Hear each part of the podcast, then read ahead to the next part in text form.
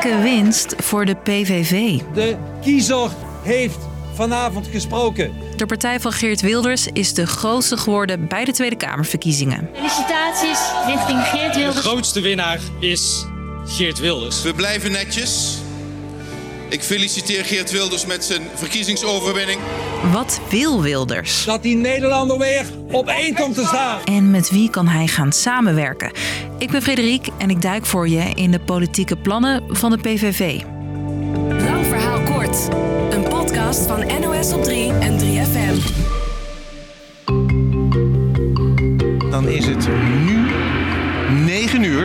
De exit poll is binnen. Malou, de PVV is de grootste partij. Waar sommige stemmers verrast waren door de exit polls en de prognoses. Dit is uh, anders dan had ik had verwacht, ja. Ja, 35 zetels voor PVV. Dat is toch niet normaal? En ook Wilders zelf even twee keer met zijn ogen moest knipperen. Is de winst van PVV voor veel anderen geen verrassing? Ik bedoel, ik ben een middelstander, dus al mijn geld gaat naar iedereen, behalve bijna naar mezelf.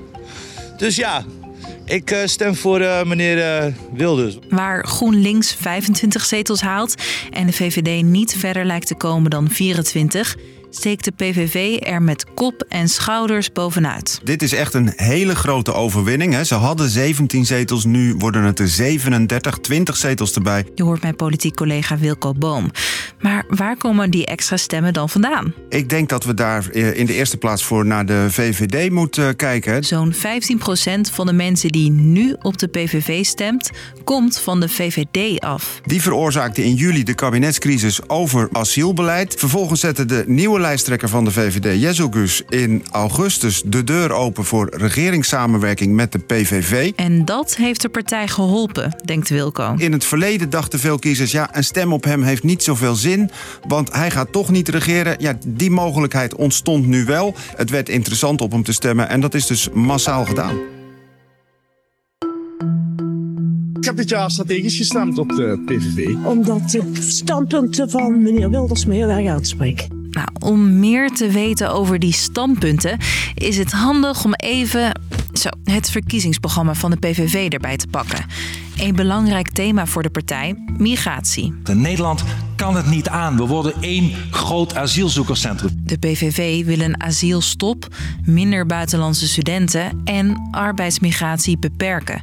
En er is nog iets wat van begin af aan hoog op de agenda staat. Wat wij vinden van de islam zit in ons DNA. Dat krijg je er denk ik niet snel uit. Zo schrijft de partij in hun programma dat ze geen islamitische scholen, Korans en moskeeën willen. Hoe minder, hoe beter. Laat ik het daarmee samenvatten. Toch zegt Wilders de afgelopen tijd dat hij daar de focus vanaf wil halen. De PVV zou zich meer willen richten op andere thema's, zoals migratie dus, maar ook problemen in de zorg en rondom bestaanszekerheid. Stel dat je premier wordt, grootste partij, dan moet je dat voor iedereen zijn. Dat is een andere rol dan de rol van oppositieleider. Allemaal om de samenwerking met andere partijen te bevorderen. Wat daarvan overblijft, dat gaan we natuurlijk de komende weken en maanden in de kabinetsformatie zien.